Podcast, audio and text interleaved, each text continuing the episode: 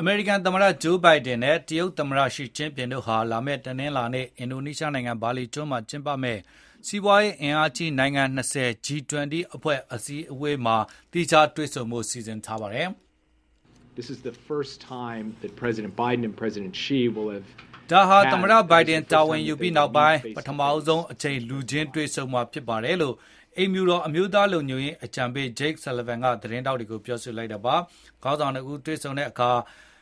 နှစ်နိုင်ငံကြားပိုမိုနက်ရှိုင်းတဲ့ဆက်သွယ်ရေးလမ်းကြောင်းကိုဆက်လက်ထားရှိဖို့၊တာဝန်ယူမှုရှိတဲ့ပြိုင်ဆိုင်မှုဖြစ်ဖို့နဲ့အကျိုးစီးပွားတူညီတဲ့နေရာတွေမှာအတူတကွပူးတွဲလုပ်ဆောင်ဖို့ဆိုတဲ့အချက်တွေကိုအဓိကထားဆွေးနွေးဖို့ရှိတယ်လို့အိမ်ဖြူတော်ကပြောပါတယ်။သမ္မတ Biden အနေနဲ့တရုတ်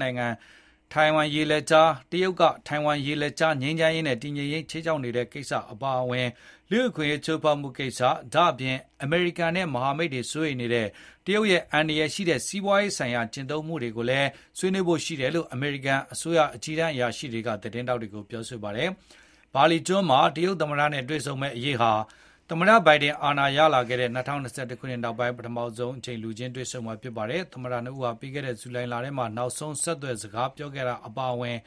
တယ်လီဖုန်းဒါမှမဟုတ်အင်တာနက်ကနေတဆင့်အကြိမ်ကြိမ်ဆက်သွယ်ခဲ့ဖူးပါတယ်။ဒါ့အပြင်အမေရိကန်သမ္မတနဲ့မကြာသေးခင်မီကမစ်ဇိုင်းဒုံးတွေပစ်လွှတ်ခဲ့တဲ့မြောက်ကိုရီးယားအရေးအပါအဝင်ရုရှား-ယူကရိန်းစစ်ပွဲတွေကိုလည်းတရုတ်သမ္မတ Xi Jinping နဲ့တွေ့ဆုံစဉ်